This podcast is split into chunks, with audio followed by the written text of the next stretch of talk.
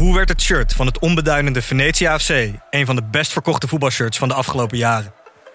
Wat is er zo geniaal aan de MLS-deal van David Beckham? En waarom vinden we het normaal dat jeugdspelers gezien worden als investeringsobjecten? In de podcast Grof Geld onderzoek ik, Sam van Raalte, voetbaljournalist, samen met merkstratege Per van der Brink de macht van geld in de voetbalwereld. Wat gaat er schuil achter de wereld van sport en glamour? En wie profiteert er? Luister naar Grof Geld en hoor hoe de Skybox de staantribune beïnvloedt. Dit programma wordt mede mogelijk gemaakt door Toto.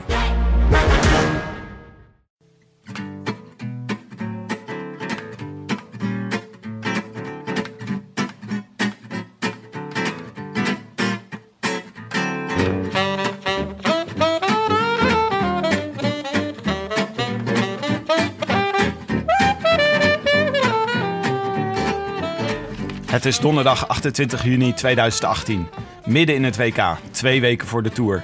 Live vanuit zonnig Utrecht, vanuit het Hol van de Leeuw, op het balkon van Frank Heijnen, is dit de Rode Lantaarn, de wielerpodcast van Het is Koers. Het is midden in de zomer. De komende dagen worden we onderworpen aan tropische temperaturen. En dan gaat het bij ons kriebelen. Het WK is nog bezig, maar wij zijn op hoogtestage. Tim slaapt al twee weken in een tentje op zijn dak in Amsterdam-West. De Tour begint dit jaar op 7 juli, expres iets later vanwege het voetbal. Is dat lang genoeg voor Dumoulin om te herstellen van de Giro? Is het laat genoeg voor Mollema om in vorm te komen? Hoeveel tijd heeft Geesing dan al gepakt en wint Quintana hem dan eindelijk? Wij bespreken het met de queen van het Nederlandse wielerjournaal, de huiscolumnist van HP De Tijd, de televisierecensent van de Volkskrant en dumolist van het eerste uur, Frank Heinen. Wij hebben dit jaar gekozen voor de originaliteit van Ed Wegelius luistert naar Van Morrison van Frank. De Hartgrasprijs voor het beste sportjournalistieke verhaal van 2009 gaat naar Frank Heijnen voor zijn verhaal Ed Wegelius luistert naar Van Morrison. Het was het eerste sportjournalistieke verhaal van de 24-jarige schrijver. Hij wint een cheque van 7500 euro en een kunstwerk van Jeroen Henneman. Die ontving hij uit handen van FC Twente-voorzitter Joop Munsterman. I wish I could be in the south of France. In the south of France. Sitting right next to you. Frank, wat leuk dat we langs mochten komen. Ja, tuurlijk. Ja. Eindelijk, eindelijk. We Ja, zitten nou, al drie jaar achter je aan, hè? Drie jaar? Denk ik. Jullie bestaan nog helemaal niet drie jaar, toch? 2000 Tour 2016. Is dat eh, 2016, 2017 en we zitten nu in 2018. Dat noem ik drie jaar, Frank Dat Heijnen. is waar, dat is waar. Ja. ja, ik ben heel vaak in deze periode op vakantie. Of in ieder geval in de tourperiode. Hmm. Dus, dus altijd als jullie langzaam tourkoorts krijgen... dan zit ik in Italië of in China of in eh, ergens anders. Ja. Is dat niet gek voor een, eh, iemand die zoveel over wielrennen schrijft... om dan juist tijdens de Tour vakantie te zijn? Eh, nee, nee, het rare bij wielrennen is... of in ieder geval, bedoel, ik, ik, eh, ik heb geen vaste opdrachtgevers... zodat ik naar de Tour moet of zo. Ik, ik schrijf gewoon eh, over wat ik zie als ik aan het werk ben. Ehm, eh, en natuurlijk in de, tijdens de Tour zouden mijn stukjes misschien meer gelezen worden. Of zou ik, en ik vind het ook leuk om te lezen. Of om te schrijven dan. Maar het rare aan wielrennen is dat zodra je niet kijkt, vind ik, of je, ben- je bent niet in, in, in, in staat om te kijken, dan bestaat het voor mij ook niet helemaal. Dus, Hmm. dus ik, ik, kan, ik vind het alleen maar leuk als ik thuis ben en kan kijken. Maar bijvoorbeeld als ik, als ik weg ben op een zondag dat Luik Bastenaken Luik is, ja, dan kan het me eigenlijk niet zoveel schelen wie er wint. Want ik moet het gezien hebben. Snap je? En ik kijk wel altijd als ik kan, maar als ik niet kan, nou, dan, dan gaat het langs me heen. Een mens moet ook een keer op vakantie, Frank. Precies, ja, ja, ja. Hey, ehm, wij zijn hier eh, te gast bij jou thuis. Ja. Je hebt een, eh, je hebt een, je hebt een appeltaartje voor ons eh, meegenomen. Ja, We Ja. zitten op het balkon, hè? Vandaar balkon. het achtergrondgeluid soms. Ja, precies. Op een heerlijk balkonnetje. En ik kijk uit op jouw bank. Is dat de bank waar, waar, eh, de, het gebeurt. de columnist eh, de, de gedachten laat lopen? Ja, nou ja, waar ik in ieder geval lang uit op lig als, de, als, er, koers als het koers is. In je joggingbroek. Ja, behalve dat, ik weet niet of dat, eh, misschien is dat een, vra- een kijkersvraag meteen. Want ik, ik af en toe, zeker bij de Giro, dat was natuurlijk op Eurosport. Ja. De, of het kan ook zijn dat ik de tv op de bovenste verdieping heb staan. Maar die Eurosport stoorde drie weken lang. Dat was echt vreselijk. Dus ik moest de hele tijd dus op een laptop een livestream zien te vinden, want de tv deed het niet. En alleen Eurosport stoorde. Ja, wij ja dat toch is echt afschuwelijk. Nou ja, dat ligt eraan of je die reclames als storing beschouwt of niet. Ja, ja, ja, ja, maar misschien dat, Ziggo me storing, even wil Dat was bellen. gewoon eh, Eurosport reclame. Misschien dat- ja, precies. Oh, het is eigenlijk gewoon een oproep dat Ziggo jou even belt. Ja, ja, Dit soort. Ronald Koeman Het is- Havaianas. eh, Het is een hulpkreet. ja, een soort mid-mention in de podcast. Ziggo, neem contact op. Ja, nee, maar hier, eh, hier lig ik. eh, En, dan, en hoe werkt het dan? Dus dan ga je, wanneer, wanneer, schrijf, wanneer schrijf je het liefst? Tij, ook tijdens de koers? Of, Nou, ik eh, maak wel aantekeningen tijdens eh, wedstrijden. Dus als ik weet van nou, tijdens de Ronde van Vlaanderen, daar ga ik sowieso over schrijven. Ja. En, en de Giro vaak ook. Maar wat schrijf je dan op? Eh, eh, vaak citaten van, eh, van eh, de commentatoren. Want Ja? die vind ik en heel mooi. En die kun je niet zo Oh. makkelijk meer. Oh jee. Sorry, ja, nee, dat is gewoon, dit is ook, het is live, live radio, hè? Ja, dit, ja, dus dan krijg je dat. Gaat verder. En eh, die, eh, dus commenta- wat het, eh, citaten van commentatoren. Eh, en, en gewoon rare dingen die je opvalt, eh, opvallen, die, je- waarvan je zeker weet dat ze nergens anders meer terug gaan komen. Of Ja. dat hoop ik dan tenminste. Ja. Dus, dus waar, waar niet eindeloos over getwitterd wordt. Gewoon de grote dingen, die kan je nog terugzoeken en teruglezen. Maar de, de kleine dingetjes, eh, die noteer ik. Een rare man alleen in een, langs de kant van de weg als het heel hard regent of zo. Ja. Tijdens dwars door Vlaanderen. Dat moet ik dan opschrijven. Was dat je hoogtepunt van dit, van dit wielervoorjaar? Ja, ik weet niet of dat dit wielervoorjaar was, maar het was in ieder geval een hoogtepunt van één van de dat is- ja. nee, dat was, ik, want ik zat toen in de, in de auto. En ik Oh ja, dat is waar, ja. ja, ja, oh, dus ik dacht dat je hier Willem mee bedoelde. Nee, Zijn nee, nee, rare nee, het man was langs de weg in dwars door Vlaanderen? Nee, het was totaal geen... dat had ik eh, prima kunnen zijn, ja. Nee, gewoon willekeurige, rare, rare types. Dat, dat zou jij in theorie ook kunnen zijn. Ja. Ik kan me bij Dwars door Vlaanderen vooral nog herinneren dat we langs een, eh, langs een fabriek reden. En dat was, volgens mij was het een soort, eh, soort eh, slachterij. Ja. En daar stonden echt de mannen in witte pakken met bebloede schorten langs de kant in de regen naar de koers te kijken. En toen dacht ik echt veel Vlaamse dan dit gaat het gewoon niet meer worden. Die had de VVV even diep in de buidel getast. Dit moeten we even laten zien. Hey, wat was je favoriete koers dit, voor, dit eh, jaar tot nu toe? Tot nu toe. ehm, ja, de Ronde van Vlaanderen, denk ik. De combinatie van dat het en heel spannend was... en dat er toch een Nederlander wint, vond ik, eh, vond ik heel prettig. Ja. Ehm, en eh, de Giro als geheel natuurlijk. Hè? Maar goed, dat, ik denk dat iedereen daar wel eh, Ja, het top. over eens is. En die, gewoon dan met name natuurlijk die ene etappe... Ja. waarin je tussen alle emoties heen en weer werd geslingerd. Hoe heb jij hem beleefd als, als dumolist? Nou ja, ik, dat wa- was zo'n etappe. was ook heel mooi weer die dag, weet ik nog. En eh, weet ik nog, alsof het... eh, ja. Diep in de jaren 60 heeft ja, ja, plaatsgevonden. ja, ik was nog jong. En, eh, en, en ik, ik zette even de tv aan om te kijken van hoe ver is het nog. En wanneer moet ik gaan kijken. Ik dacht, ik ga even hardlopen of, of fietsen of nog even werken. En het was om, was om één uur 's middags of zo. En toen was het dus volle bak. eh, toen reed Sky volle bak. Die, eh, die was het de Finestre Mhm. eh, omhoog. En toen dacht ik, ja, hier kan je volgens mij niks meer van missen. Want vanaf nu is het aan één stuk door. En dat is eigenlijk altijd bij dat soort wedstrijden. Daarna zakt het ook weer in. Maar ja, Ja. dan kan je niet meer stoppen met kijken. Dan Nee. moet je wel doorkijken. Moet die Dus 80 kilometer moet je gewoon slikken. Ja, die moet je, gewoon, die moet je helemaal doorheen. Terwijl eigenlijk was het toen al gebeurd natuurlijk. Of in ieder geval, je zag het langzaam gebeuren. En Ja. dat was ook een beetje kijken naar soort pleister... die drie uur lang van een eh, wondje wordt afgetrokken. Jij bent eh, de, de uitvinder van het begrip dumolisme? Ja, dat- ja, volgens mij wel, ja. Ja, Ja. ja, ja, eigenlijk Ja, wel. toch? Ja. Dan moet je gewoon claimen. Nee, nee, dat is echt zo. Ja, Ja. in mijn hoofd in ieder geval. Dumolist in ieder geval. Ja. En het dumolist. Hoe zou, je, hoe zou je het eh, dumolisme anno 2018 duiden? Want dit is, een, dit is natuurlijk dit is geboren volgens mij toen de Tour startte in, eh, in Utrecht. Zeker. We zijn eh, twee jaar verder inmiddels. Ja, drie jaar. Drie jaar. Nee, de- we- dat was, ik schreef toen een, een stukje, een soort, soort open brief. Nou, dat is een eh, klassieke vorm natuurlijk voor, eh, voor columnisten die het ook niet meer weten. Eh, aan eh, aan eh, Dumoulin, waarin ik, waarin ik zei, oh god, eh, iedereen in Utrecht. Ik woonde toen eh, nog ergens anders. Ik woonde op de Neude in Utrecht, midden in Utrecht. En alles, Monopoly.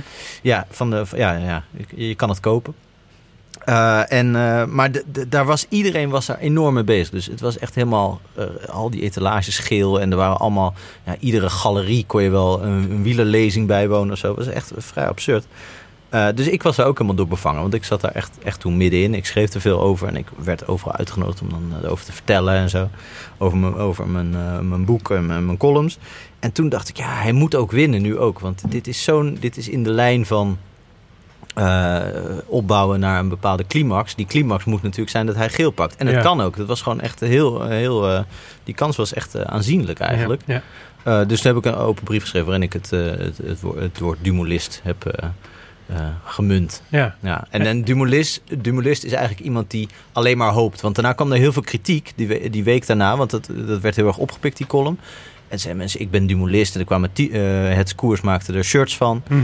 Eh, eh, Tom onder de dom, ik ben een Dumoulist. En dat ging over. Er waren vlaggen bij de, bij de supermarkt, kon je krijgen. En, eh, ja, de- ja, Heb dat- je er nog wat aan verdiend? Nee, nee. Ja. Helemaal niks? Nee, ja, ik dacht, ik moet misschien eens een keer... De, volgens mij was de Jumbo. Misschien moet ik die nog eens de Jumbo in Limburg. Die moet ik misschien nog eens een keer... Dat is wel maar. Dat heeft de katholieke kerk dan beter gedaan. Maar in ieder geval, toen, toen heb ik daarna moest ik, er was ook heel veel kritiek. Dus we stonden, we kwamen allemaal stukken in de krant van, ja, mensen zijn ook opportunistisch en sommige journalisten die, eh, Die Heine denkt dat ja, die, die, die denken dat het er zomaar even, dat ze zomaar even geel kunnen pakken die Nederlandse renners. Weet je hoe moeilijk dat is? Alsof ik, alsof ik echt oprecht dacht van, dat dit, eh, hij was allemaal plat. Ja. Dat is natuurlijk een stijlvorm die misschien niet iedereen eh, in één keer ziet.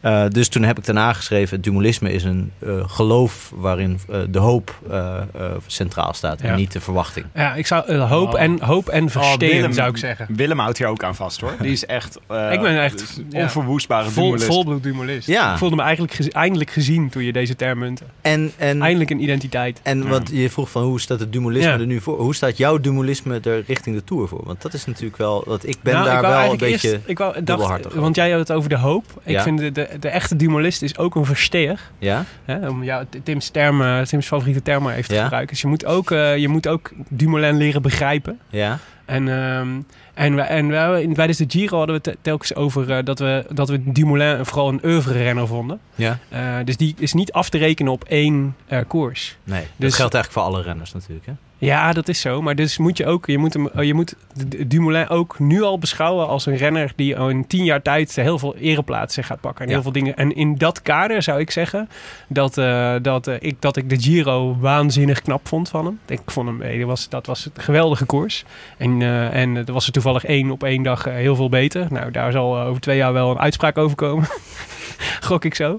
Maar, ehm, eh, maar, Zijn we daar nu al, Willem? nee, maar dat is ook het enige wat we erover gaan zeggen. Ik wou net zeggen, je legt wel gelijk een bommetje hoor. Pas eh Ik weet, ik weet het ook niet. Maar, de, maar Dumoulin, dus ik, ik verwacht niet zo, ik heb niet zo hele hoge verwachtingen van hem tij- Nee, tijdens deze je een tour. beetje in volgens mij, of niet? Ja, en toch, eh, toch gaat hij ons wederom verrassen. Want heb- dat hoort ook bij Dumoulin. Ik heb wel hoge verwachtingen eerlijk gezegd. Maar goed, daar zullen we het zo Ja, meteen gaan nog we wel eh, gaan we terugkomen. zo Maar kijk, je kan dat op verschillende... Het interessante aan dualisme is dat je... Je kan het natuurlijk op verschillende manieren benaderen. Ik ben... Ik, ik, misschien ben ik wel geen dualist. In de zin van dat ik mezelf dus ook altijd emotioneel indek tegen dit soort dingen. Dat als ik Dumoulin... Als, als er zo'n groot talent aankomt... Dan ga ik de hele tijd zeggen van... Nou, we, eh, voor mezelf ook. We, gaan nog, we moeten nog wel zien. En misschien gaat hij vallen. Of, eh, Ja, krijgt maar hij jij bent bevangen door de Mollema ja, Tim, Tim is meer een molleman dan een uh, Dumoulist. Oh ja, ja, Sinds- ja ik, ik vind Mollema eh, ook te gek. Maar het is wel moeilijk om fan te zijn van Mollema, vind ik. Nou, daar dat kost Tim echt, geen eh, enkele moeite. Nee, op het eh, moment dat Mollema maar- een zoon krijgt en die Tim noemt, dan weet je hoe het, laat is ook, het is. het is ook wederzijds, hè, de liefde. Ja, het is... Het is Want? nou, zijn zoon heet Tim. Tim en, Mollema. en het, Ja. de geruchten gaan toch wel dat ik daar veel mee te maken heb. Laat zijn vriendin het niet horen. Het was een tribute. Eh, Tim de Gier Mollema, zo heet hij eigenlijk. Ja, dat is, dat is, ja daar heeft, heeft hij nog niet publiekelijk gecommuniceerd. Nee. Maar daar heeft hij wel alle schijn van. Hey, maar, maar Frank, de, de, dat was echt. eh, wij, zaten net in een koffietentje hier op de hoek voor te bereiden. Ja. En, eh, en een beetje onze zenuwen eronder te krijgen. Want Koffieboontje. Je, je- ja, bij Koffieboontje. Je komt niet elk moment natuurlijk op, de, op bezoek bij de, de, de grootste columnist van Nederland. Nee, nou, ik wel dan. Maar... Jij en je vriendin ook. Dus we hebben al twee mensen die, voor wie dit niet geldt. Maar, eh, maar met name Jonne was erg opgewonden. En toen, eh, toen, eh, toen vroeg hem waarom. En toen ging hij vertellen over dat hij jou ooit jaren terug eh zo erg fanmail had geschreven. Ja, En, en, en jullie hadden het er net al over. Maar ik dacht, misschien moet Jonne even voorlezen hoe, hoe, wat hij ook alweer geschreven had aan Frank. Nou, ehm, Niet terugkrabbelen nu. nee, ab- absoluut niet. Maar zoals de vaste luisteraar weet, ben ik vrij lang van stof. Het is een pagina of vier. Nou heb ik hem samen met eh Dirk... Echte fanmail. Ja, ja. ja. Zaten er ook lippenstiftkussen op? Eh, nee, maar we hadden wel een parfum gesprenkeld erop. Ik weet niet of je dat je nog door hebt gehad. op, maar, je, eh, op je MacBook. Ja. nee, ja. eh, Frank, jij schreef toen eh, zes dagen per week, volgens mij, voor eh, HP. klopt. Ja. En eh, Dirk, een vriend van mij en ik, eh, echt... eh, nou ja, je hebt zo'n vast rondje aan websites waar je dan komt. En jij was eigenlijk altijd de afsluiter voor ons. Het Eh, kerstje op de taart. de, ja, de kerst op de taart. En eh, Toen, dus Ries op de taart. Dit is de rieten, ja. Ja, dat is toch wel... Ja. En toen eh, ja, liet je ergens ehm, vallen dat je zou stoppen. En ja, Dirk en ik, de, de schrik sloeg om ons, ons om het hart natuurlijk. En ja, toen, toen eh, heb ik een mail gestuurd. eh, samen met Dirk. ehm, met ja, een, een fanmail eigenlijk. Of eigenlijk om, om hem te bedanken. Omdat het. Ja, de, de- Fanmail is echt zwak uitgedrukt, hè? Dat, Nou ja, ehm, de, de, de eerste zin was in een relatie moet het van twee kanten komen. Daarmee was de toon eigenlijk al Ja, en aangezien wij het de afgelopen anderhalf jaar gruwelijk hebben laten afweten, werd het toch maar eens de hoogste tijd om ons deel van de gelofte in te lossen. Helaas, zoals wel vaker, ga je pas beseffen wat je hebt als het er niet meer is. Deze mail mag als rijkelijk laat beschouwd worden en is na al die tijd wellicht wat ongepast, maar daarom niet minder gemeend. Dit We hopen dan als een ook. songtekst van André Hazes, man. Nou ja, we, Dirk, Dirk en ik zijn ook groot fan van, eh, van senior dan. Hè? Nee, en ehm, toen hebben we eigenlijk eh, voor Frank, maar eigenlijk voor onszelf, hebben we al zijn columns, of bijna al zijn columns, nog een keer teruggelezen om in volledig willekeurige eh, volgorde een top 10 eh, te maken. Ehm, en eh, ook heb ik volgens mij de, mijn eerste ontmoeting met een column van Frank Heijnen beschreven. En dat was Droeg je een rode roos? eh, Nee, nee. Ik, ik was namelijk op zoek naar de Belgische eh, voetbalcommentator... die altijd het programma, de programma's op België presenteerde in een leren jas. En eh, toen... eh, Karel Huibrechts. Karel Huibrechts, inderdaad. En, maar die, ik had die dus niet bij de hand. En toen, ik, ik googelde dus Belgische commentator. En toen kwam ik op jouw fenomenale stuk over eh, de uitvinding van, het co- van de co-commentator bij het live wielrennen.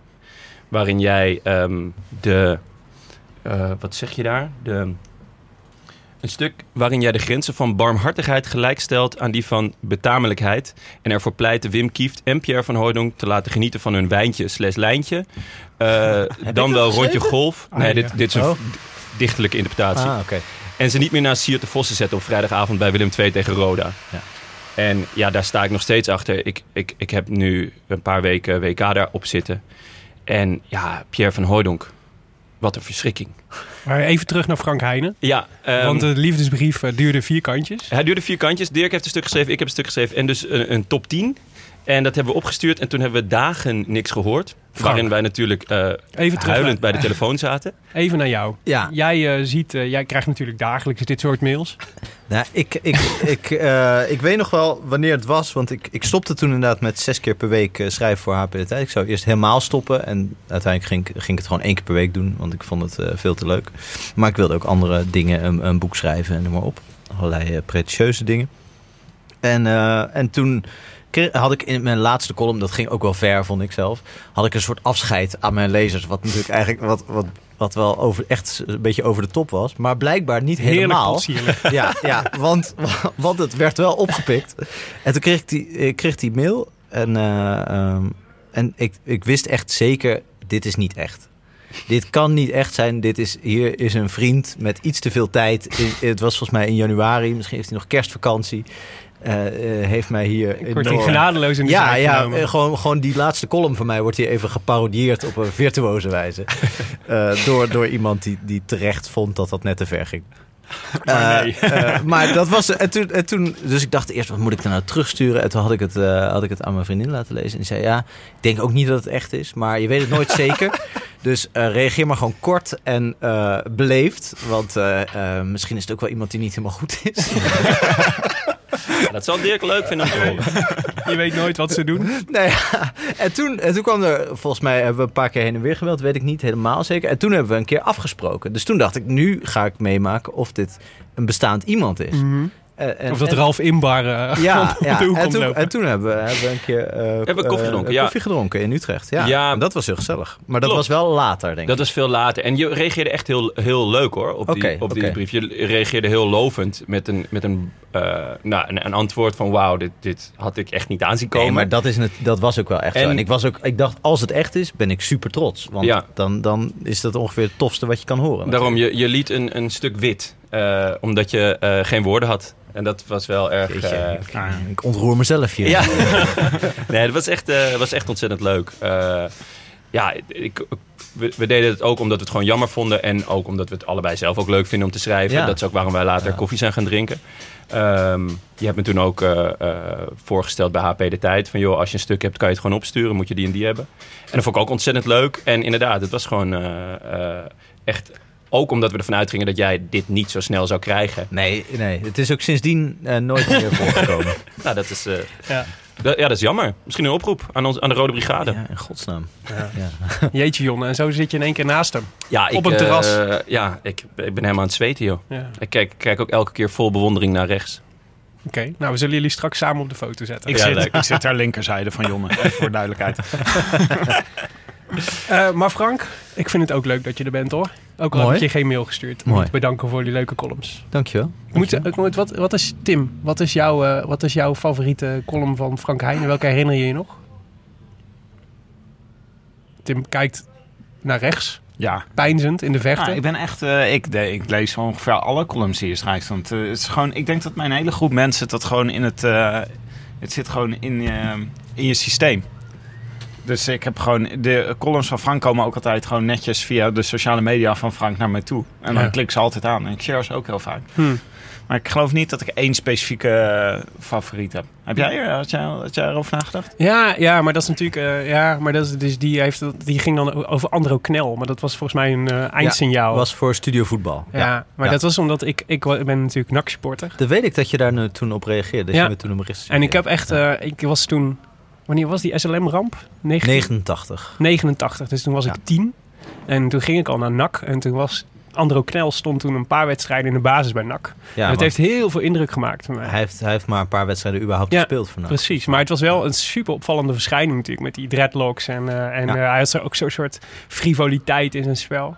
En je had, het, eh, je had in dat eindzing, of dat, hoe heet het nou, eindsignaal? Ja, toen heette het nog niet zo, maar inmiddels heet het eindsignaal. Maar dus dat plakboek van hem had, je, had je laten zien ook, over zijn dromen als, van als profvoetballer. Ja, nou, de nabestaanden van hem hebben echt een prachtige site aan hem opgedragen. Waarin dus allemaal van die pagina's van dat plakboek te zien zijn. En dat was echt, toen, dat is natuurlijk het rare bij, bij deel van het werk dat ik doe. Als je zoiets vindt, hoe verdrietig ook, dan denk je natuurlijk ook bingo. En dat Ja. heeft iets heel Franks. Maar Ja. dat was in dit geval natuurlijk ook zo. Het is Ja. ook heel mooi omdat... eh, Maar het is, ik vind het heel mooi ook, eh, omdat het zo, eh, dat die herinnering aan Knel wordt ook door NAC en Sparta, zijn oude ploeg, Ja. ook heel erg levend gehouden. jaarlijkse En dit droeg wedstrijd, daar ook echt heel erg aan bij. Ja. Dus dat was, en het heeft toen toen op mij heel veel indruk gemaakt. En dit gaf een soort nieuwe diepte eraan. Dus dat vond ik een hele fijne. Ja, ik vond het ook leuk toen, want toen je dat stuurde. Want ik was toen net begonnen met die rubriek. En dit was de eerste, eh, de eerste voetballer eigenlijk die ik zelf niet kende. Dus Ja. waar, waar ik zelf niet een soort persoonlijke band mee had. Of een persoonlijke herinnering aan had. En die, die, die rubriek was net bezig en dat ging wel goed. Maar ik dacht, ja, ik moet, als ik dit een tijdje wil volhouden, moet ik ook af en toe... eh, zeg maar die, die bewondering lenen. Of in ieder Ja. geval van, van anderen. En dat, dat, dat- dus toen was ik heel blij met je, met je berichtje, weet ik nog. Ja. Nou, fijn. Dan had je best even mogen mailen hoor. We gaan straks wel even op de foto, Frank. Gewoon een blanco mailtje, dat eh, is, al, is al genoeg hoor. Precies. Maar Niet goed, veel nodig. dat was Andro Knel. Ja. Eh, en eh, deze podcast gaat over de Tour de France. We gaan hem voorbeschouwen. Ja. Tim, eh, misschien eerst even over eh, deze Tour de France. Want eh, dit is de eerste aflevering in een, in een reeks die we Ja. weer gaan maken. We zijn er weer tijdens deze Tour regelmatig. Hoe regelmatig zijn we er? Wat kunnen de mensen van ons verwachten? Nou, we gaan net als met de Giro gaan we gewoon weer een paar fantastische, fantastische etappes uitzoeken. En Mhm. dan zijn we direct na de etappe. Zo zijn we ooit begonnen, hè, Willem. De Rode Lantaarn, als de Rode Lantaarndrager binnen is. Dat is ongeveer wanneer de Rode Lantaarn aflevering online komt. Mhm. Maar eh, we gaan een stuk of eh, acht afleveringen gaan we doen. En een aantal specials omheen. Oké. En, Kun je eh, daar al iets over zeggen, over de specials? Nou, Maarten Chalingi komt langs. Met dubbel I. Ja, met dubbel I, net als Willem. En dat weten veel mensen Tim niet. de Gier. Ja, ja. Tim de Gier. Die, die hebben we sowieso op het programma staan. We hengelen ook naar een special met Thomas Dekker. Mhm. Proberen nog, ja, als hij luistert, hopelijk eh, is hij eh, te vermurwen. maar we gaan ook met eh, nu.nl gaan we ook vier specials maken. Dan gaan we even bellen met een verslaggever ter plaatse om Ja. te vragen hoe het eigenlijk in Frankrijk is. Want wij bekijken de Tour natuurlijk altijd gewoon keurig vanuit Amsterdam-West. En dan kunnen we onze favoriete vraag stellen. Is er, heb je nog een nieuwtje? ik twijfel altijd als je dat zegt of je de vraag bedoelt. Heb je nog een nieuwtje of wat, welk dier zou je een Als dag je willen dag zijn? een dier zou kunnen zijn. ja. Daar gaan we, Frank, daar mag je vast over nadenken. Oh ja, Die ja, gaan we dus- mee afsluiten straks. Oh, zin in. Tenzij je nog nieuwtjes hebt. Ik ben vooral benieuwd eh, wat Thomas Dekker daarop zou antwoorden. Ja. Want ik eh, eh, kijk, volgen jullie Thomas Dekker op Instagram? Ja, ik zit zelf niet op Instagram, maar hij twittert ook al die Instagram-foto's. Dat hij, hij is iedere dag in een ander werelddeel, op een ander werelddeel volgens mij. Dat is echt, echt absurd. Dat is knap. Dan, loopt, Ja. dan is hij weer in, in, op IJsland. Nee, nee, nee. Hij is, hij is met, eh, met, eh, met zijn vriendin, die volgens mij de hele wereld afreist als Ja, kunsthandelaar. Of, Jetsetter is het geworden. ja, is echt zo'n Als jetsetter. kunsthandelaar. Ja, Ja, zijn- oh, vriendin is kunsthandelaar. Oh, dan eh, moet ik eh, contact met haar opnemen. Porselein en antiek? Of, eh, Eh, nou ja, we, de- waarschijnlijk voor jou.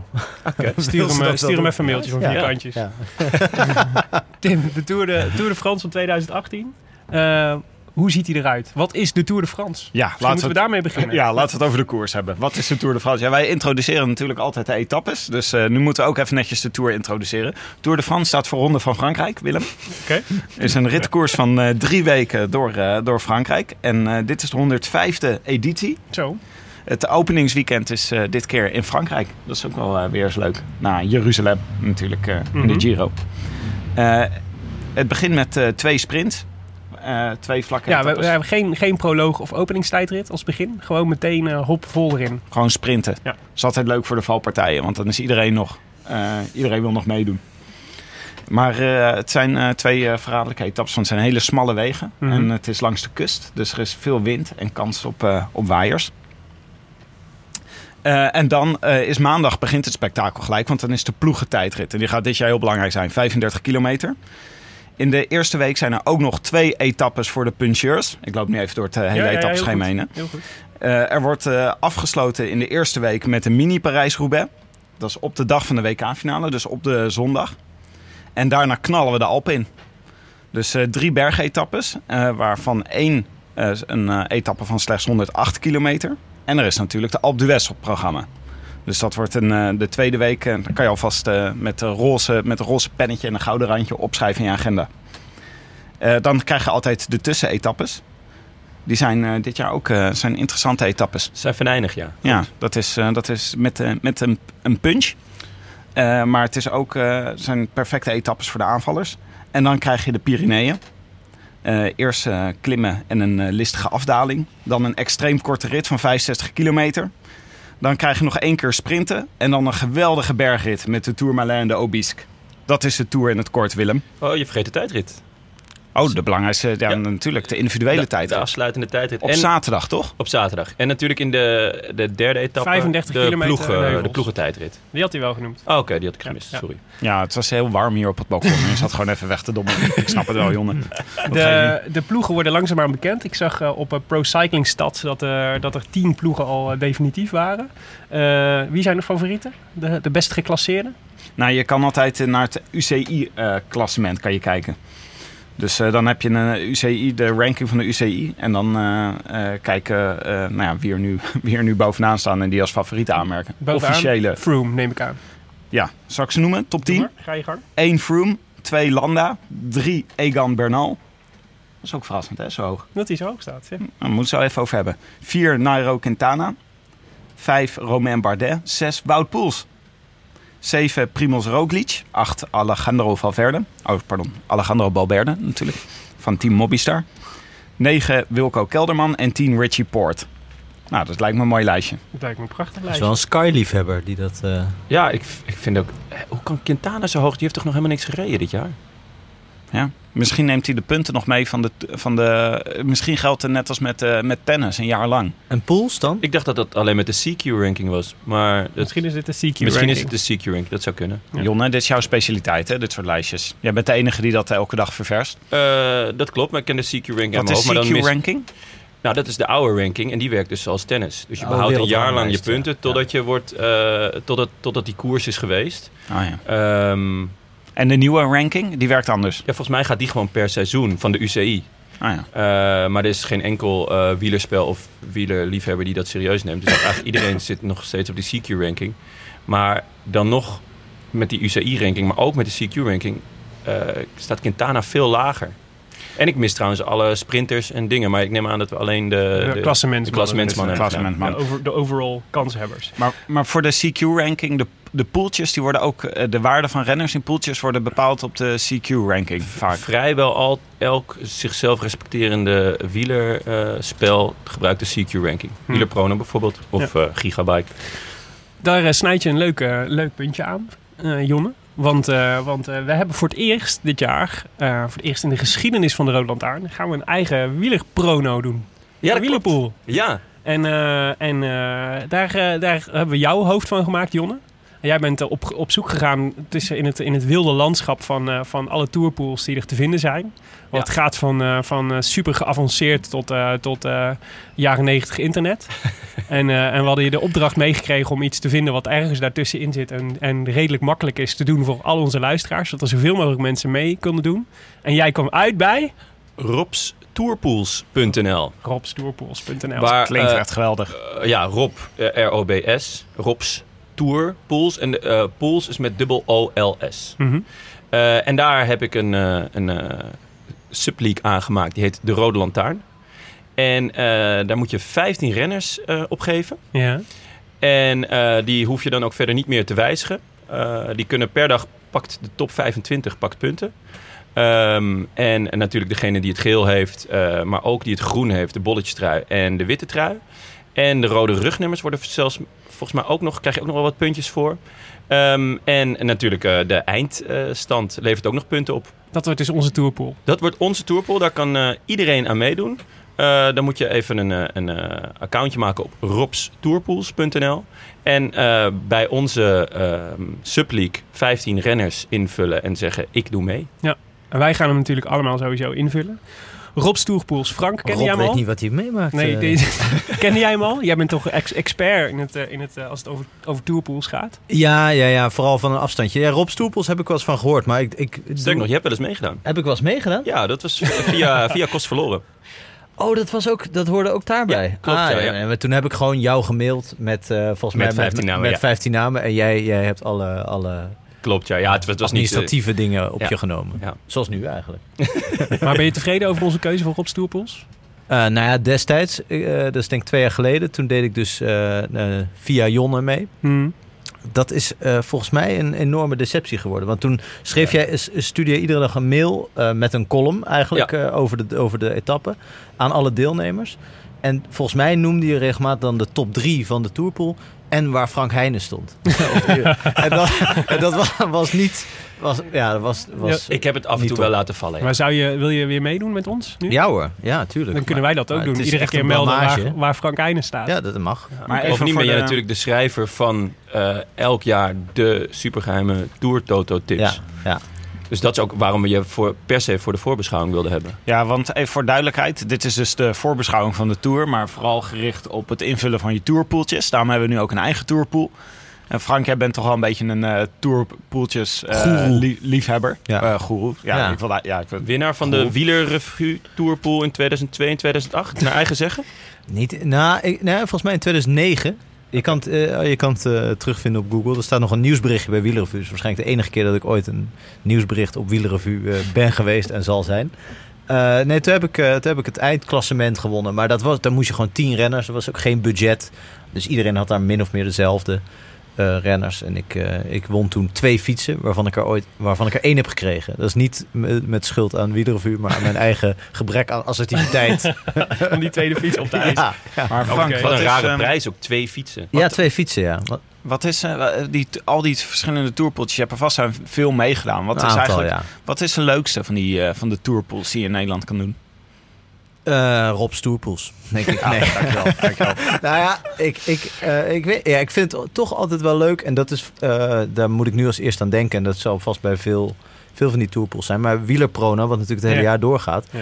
Daar heb je gewoon een budget. En dat vind ik toch wel eh, eigenlijk wel nodig voor een tourpool bijna. Want, want dat, dat scheidt gewoon de jongens van de mannen natuurlijk. Hè? Ja. Daar moet je gewoon... eh, Anders kan je gewoon naar Unibet gaan en de top 10 erbij pakken. Precies, precies. En da- dat, vind- dat ik vind ik gewoon niet zo leuk. Weet je waarom ik ook eh, Rob Stoerpools leuk vond? Nou? Omdat het me deed denken aan Erik's prijs- en pretpagina. Ken je die nog? Nee? Dat is Niet nog, daar heb ik nog nooit van gehoord. Dus Willems jij, jij bent ook van de generatie dat je op gratis.nl dingen kon bestellen en die naar vrienden kon sturen? Zoals pizza's of dozen maandverband. Het zou kunnen, maar ik zat een hele andere scene, denk ik. eh. Erik's prijs- en pretpagina, hoe kunnen jullie dit niet kennen? Nee, ik ken hem ook niet. Tim wel?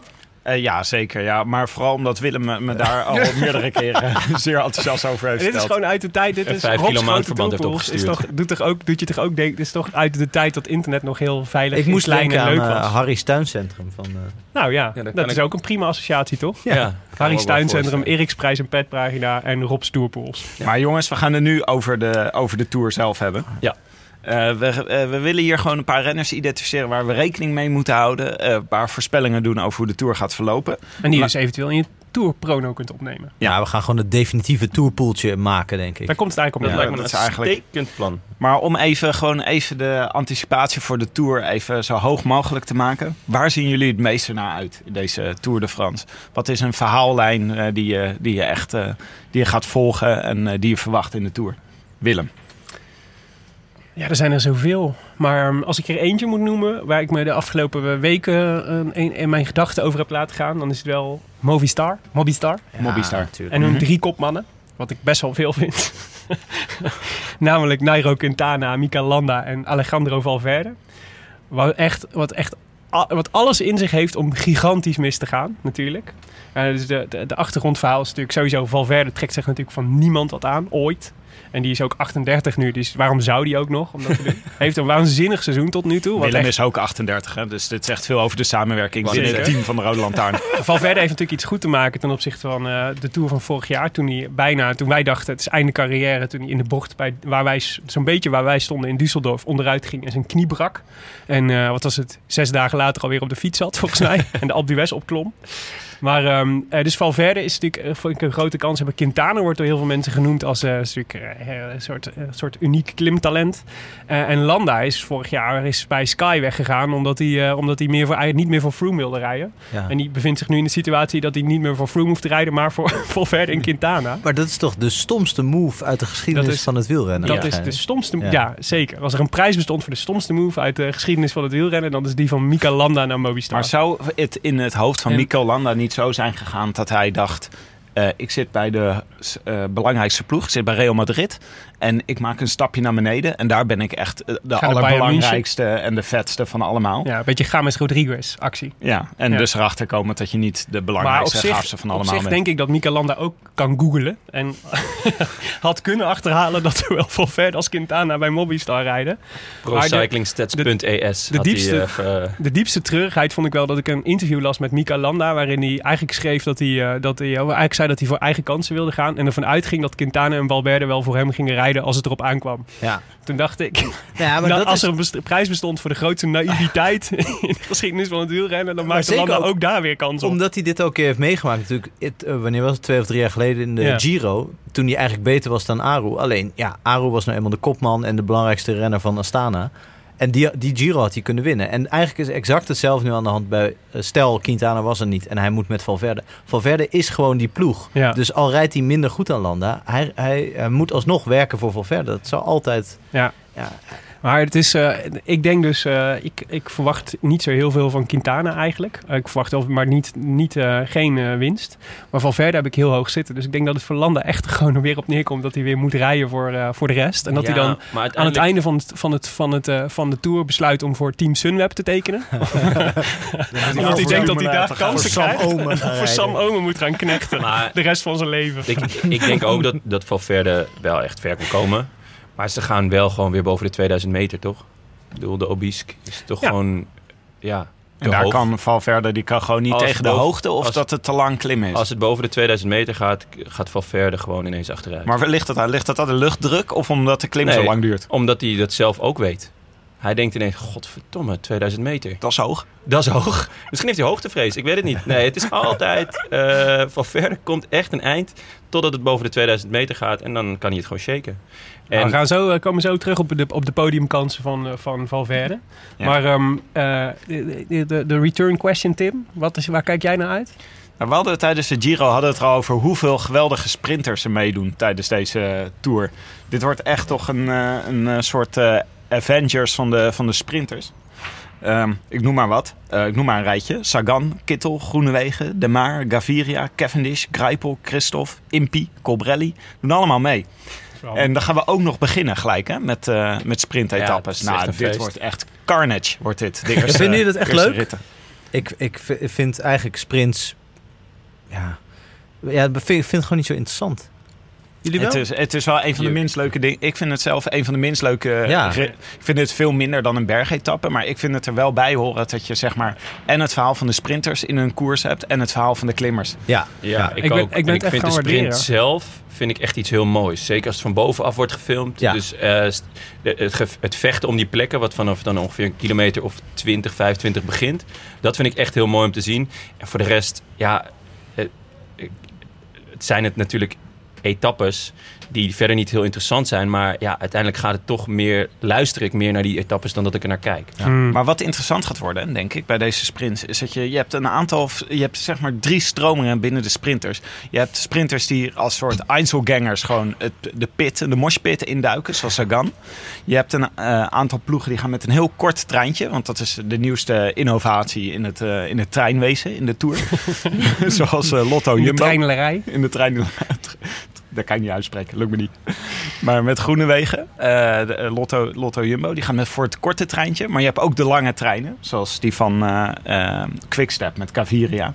Dus het wordt wel, ik ben wel benieuwd wat eh, het meest succesvolle, eh, succesvol gaat zijn deze maar die innovatie van Groenewegen is natuurlijk vooral omdat ze op 16 gedachten hinken bij Lotto Jumbo. Namelijk dat ze Zoals eh, altijd. ritten willen winnen, dat ze een klassement willen rijden en dat ze sprints willen rijden. En Ja. je kan niet voor iedereen mensen meenemen. Wat dat betreft heeft Quickstep, die kiezen altijd voor wat Ja. ze willen in een, in een grote ronde. Dat is tegelijkertijd een van mijn grootste frustraties. Ook dat Sunweb dus ook heel vaak nog met iemand voor de sprints en voor de aanvallen meegaat. Ja, Terwijl, Ja, ja. gewoon, terwijl Quickstep en Sky, die gaan altijd gewoon voor een kopman. Die hebben gewoon een, eh, een die hebben een veel duidelijker plan, volgens mij, tenminste. Ja. Toch? Ja. Ja, zeker. En eh, Frank, waar, eh, wat, is, wat is iets waar jij naar uitkijkt deze Tour? Nou ja, qua, qua verhaallijnen weet je het natuurlijk nooit helemaal zeker. Hoewel dat, eh, dat Movistar, dat kan alleen maar fout gaan. Het is alleen de vraag op welke manier. Eh, en ja, ik, ik vind specifiek die korte bergrit. Ik weet niet precies welke, welke Ja, etappe het er is. zijn, maar er zijn er twee. Eentje Ja, van die ene 65, 65 Ja, kilometer. die Met die, die, gekke, met die gekke start. ja, ja, ja. die is die lijkt me echt. eh, ja, want ze gaan dus, ze gaan dus met in groepen starten, volgens mij. Met, eh met eh, Het, het eerste is individueel ja. en daarna groepen. Dus een beetje zoals bij de Formule 1. Dus de top 10 of de top 20 start dus individueel, zo schuin achter elkaar. Dit en dan daarna gaan ze in ja, is echt heel gek. gaan ze dus ehm, ook eh, gaan ze weer kijken naar het klassement en dan starten er dus groepen. En omdat hij zo kort is en gelijk omhoog gaat, zou je dus eventueel kunnen zeggen als je eh, je goed voelt en je bent eh, kopman, ehm, ik ga gelijk koersen, waardoor ehm, de rest van de kopmannen moet reageren omdat ze nog geen Knechten hebben. geen knechten hebben. Mhm. Dat is het idee. Nee, ik, ik, dit is echt nieuw voor mij. Dit, eh, ik, ik, ik had er wel iets over gelezen, maar ik wist niet dat dat in deze ja. eh, rit ging, Maar dit is toch, gebeuren. ik heb, dit, wat ik best wel gek vind, dit, dit is dus de, de allerbelangrijkste koers van het jaar. Ga je dat experimenteren? Ja, dat is toch een beetje gek? Ja. Maar Hebben we dit al eerder gezien? Dat is niks voor de Tour ook Op het eigenlijk. WK hè? gaan ze ineens experimenteren met de VAR. Ja, oh, zo bedoel je. Ja, Ja. Maar dat is, toch, dat is toch raar dat je dan zeg maar zo'n... Want ik, ik vind het nogal wat. Ja, dat we in één ik keer ook. niet meer tegelijk sta- starten. Opeens kijk ik helemaal niet meer uit naar die bergrit. Eh, Nee, nee. godzien, Ja, ja, ze nee. zitten, zover zitten ze er niet achter. Hè. Het is gewoon... eh, het zal Ja. max eh, Ja, 20 het- seconden schelen. Het is natuurlijk gedaan om dat daar is natuurlijk ook die korte rit voor, zodat mensen al vanaf het begin af aan al kijken. Dat we zeker weten dat het vanaf het begin af aan al spannend is. Ja, maar daar hoef je dus helemaal niet dat soort fratsen voor uit te halen. Het is Nee. toch wel leuk. Ja, het is echt een frats. Ja. Ik vind altijd, het is echt een frats als je het niet in één zin kunt uitleggen wat je nou eigenlijk gaat doen. Nou, dat lukte Jonne niet, maar misschien niet. ik wou het zeggen, Nee, nee. vrij lang nee, van dit is- stof. nee, ik, bedoel, je kunnen Jonne veel kwalijk nemen. Maar ik heb, ik heb echt geprobeerd om dit, dit op verschillende sites te begrijpen. Wat Ja. er nou precies gaat gebeuren. Ik vind het echt best wel lastig om, te- om uit te leggen aan anderen. Ze hadden iets simpelers moeten doen. Gewoon iedereen alleen maar linkerbeen gebruiken. Nee, maar bijvoorbeeld, wat wel interessant zou zijn, is natuurlijk als je, als je een etappe hebt waar iedereen op tijdsverschil gaat. Dus op hoeveel tijd je dan op dat moment staat, zeg maar, mag je vertrekken. Dus de nummer, dus Froome mag als eerste weg. Als hij stel dat hij bovenaan het klassement staat. Dumoulin staat op 20 seconden. Dus die Dat mag doen ze in de 20 Hammer seconden daarna. toch? Met die, Ja, eh, Dat vind ik leuk. Ja. Ja. En dan Oké, kun je, nee, daar- dat hadden ze moeten doen. Ja, maar niemand ben- luistert ooit naar mij, Frank. Nee, maar dat Ik komt omdat je het ook niet in één zin kon uitleggen. ja, dat is waar. Maar Frank, hoe ga jij kijken die rit? Eh, nou ja, ja, ja, ja, met heel veel tegenzin. met een Nee, zwaaiend ja, ik, vuistje ik de ben lucht. dus op vakantie, dus ik moet, ik, eh, het is de vraag eh, eh, waar ik ben en waar ik, eh, waar ik uithang en wat, wat er die dag op het programma staat. Want ik ga zelf fietsen, dus het is een beetje afhankelijk van, eh, van de aanwezigheid van een, eh, een tv of eh, goed internet. Met de vriendin samen. Met de vriendin, ja. En de dan- vriendin, de vriendin zit ook niet enorm start? te wachten op een korte bergrit. per Elke ochtend, Niet? elke ochtend zo starten. Dat is leuk. verhaal. Ja, ja. Hey, jongens, we moeten door. Jonne. Eh, ja, waar ik naar uitkijk eh, is... ehm, het is wel een tour die echt geschikt is voor aanvallers. Dus ook met twee korte eh bergetappes. Een aantal leuke puncheurs-etappes. en natuurlijk een ploegentijdrit. En eh, nou ja, als we naar de Dauphiné kijken en, en Zwitserland... ehm, uiteindelijk de verschillen tussen de nummers 1 en 2... zowel in de Dauphiné als in Zwitserland volgens mij... was precies de ploegentijdrit. En de ploegentijdrit is al op de derde etappe, geloof ik. Eh, en er gaan een aantal ploegen die gaan daar huishouden. Nou ja, Sky, eh, BMC, Mitchelton Scott is goed, denk ik. Maar Sunweb ook. Die heeft ook gewoon WK eh, gereden. Quickstep komen natuurlijk niet echt voor een klassement. Maar ja, dan kan onze eh, vriend van de show, Young Bubbles, misschien wel lang mee. En dan heb je natuurlijk de springveren die de rest van de Tour aan kunnen vallen. En dan heb je nog die kasseienrit waarin waarschijnlijk elke Spanjaard ja, eraf gaat. Je hebt niet echt gekozen hoor, maar dit is dus de variëteit van de Tour. Dat is waar je het meest naar uitkijkt. Van dit Eh, parcours. Ja, dus het, eigenlijk net zoals in de Giro, aanvallers versus eh, ja, controleurs, om ze zo maar te noemen. Ik, Ah, ik, ja. vind, ik vind Dumoulin namelijk niet per definitie een verdediger. Ehm, ik vind Sky heel verdedigend natuurlijk. Maar ze controleren en ze vertrouwen op hun ploegentijdrit. Of. Da- Wat- en dat vind ik heel interessant. Laten we gelijk even een bruggetje maken naar het volgende onderwerp. Want ik wilde eh, aan jullie vragen, hoe gaan de Nederlanders het doen?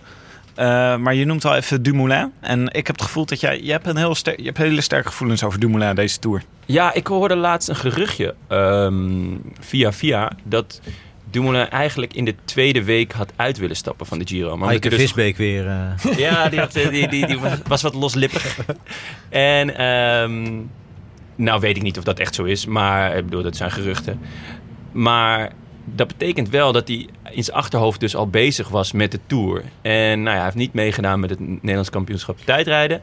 Dus hij is zich echt helemaal aan het opladen om hier, eh, of om in de Tour echt goed te zijn. En als hij echt goed is, dan kan hij hem gewoon winnen. Wat denk jij, Frank? Nou, gewoon de, de afgelopen 20, 30 jaar heeft toch wel uitgewezen dat de Giro ongeveer de slechtste voorbereiding is. eh, eh, de Giro voor het klassement rijden om de, als je de Tour wil winnen. En Dumoulin is niet de beste klassementsrenner van de afgelopen 20, 30 jaar. Er moet wel alles meezitten, het parcours moet meezitten.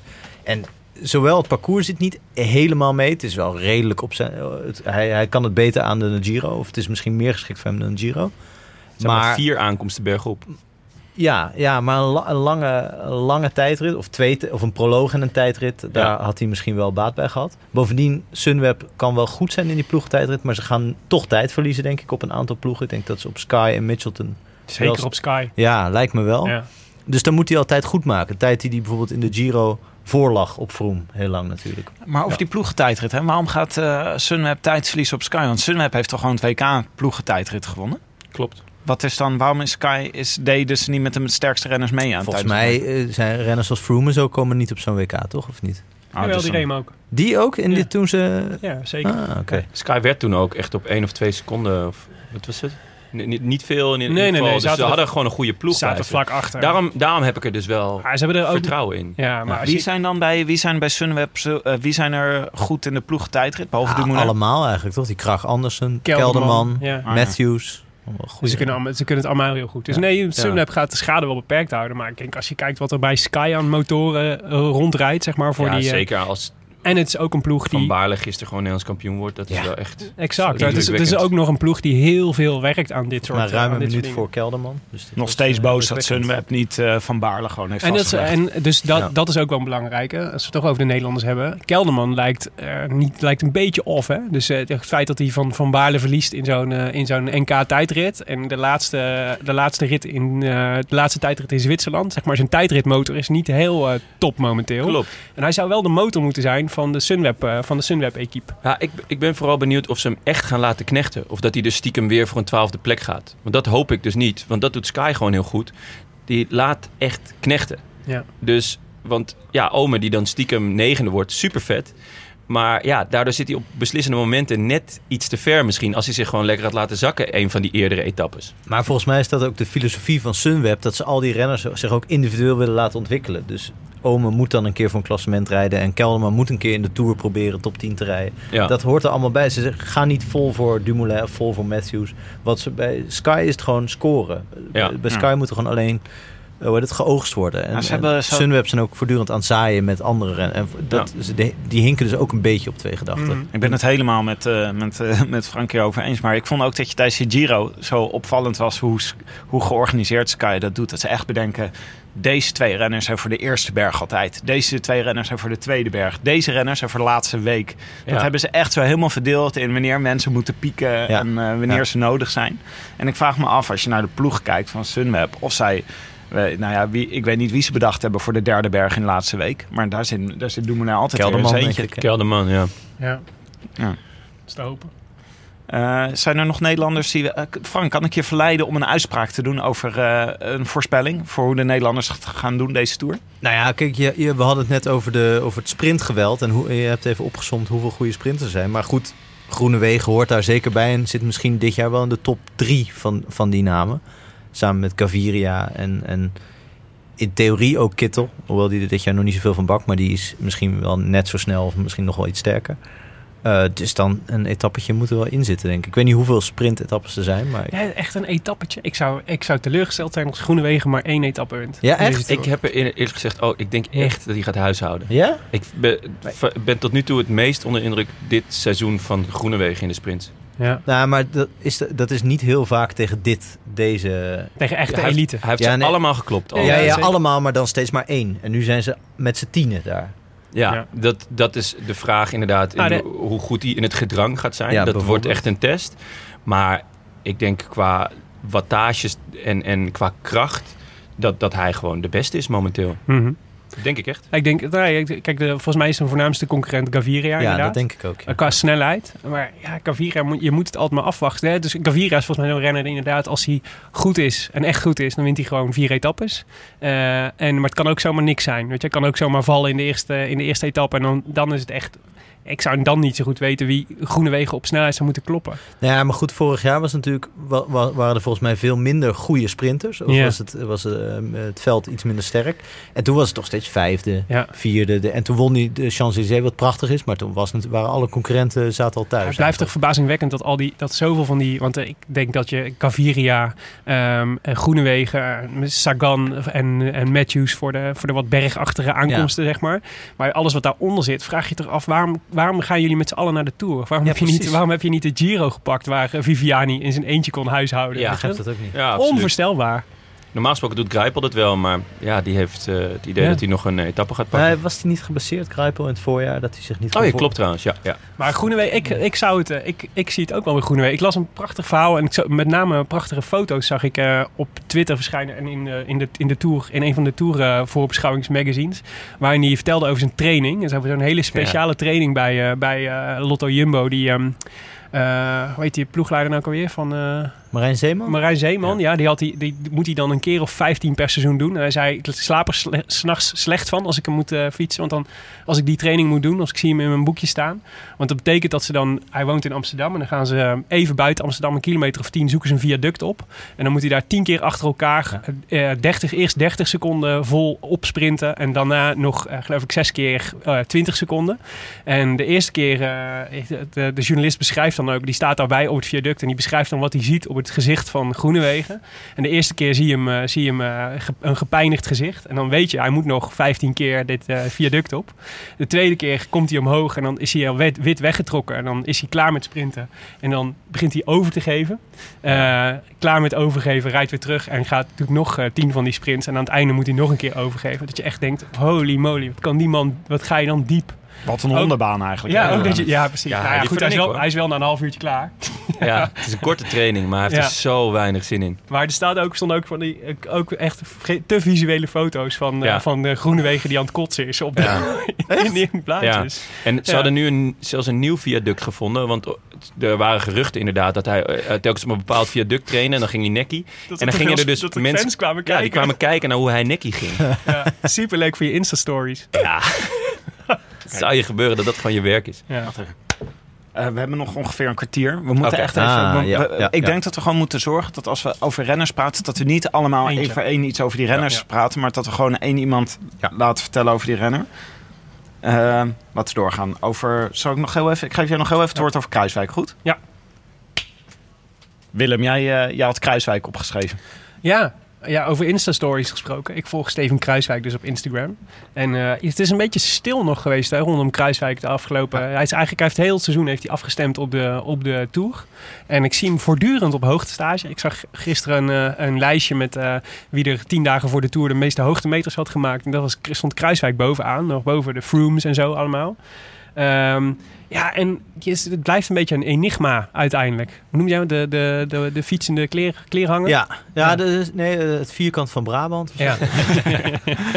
Zou jij me aanraden voor tourpoeltjes, Frank? Nee, ja, eigenlijk niet. Kijk, als hij zo rijdt als de Giro twee jaar geleden, dan is het een andere koek. Maar Ja. dat heeft hij natuurlijk maar één keer gedaan. En er zijn meerdere renners die dat één keer doen. Dus ik vraag me af of hij dat nog een keer kan.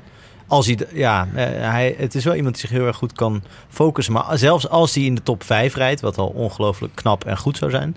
Dan is het ook iemand die dan vaak zevende, achtste in de bergrit wordt natuurlijk. Ja, hè? ja. Die, die in sprints met een groepje niet vooraan rijdt. Dus je gaat er geen punten mee halen. Nee, dus, dus voor een tourpool zou ik misschien wel zelfs eerder Mollema... die ook in een, in een groep van 40 eh meesprint voor de, voor Ja, de die heeft een 10. lekkere punch nog. Ja.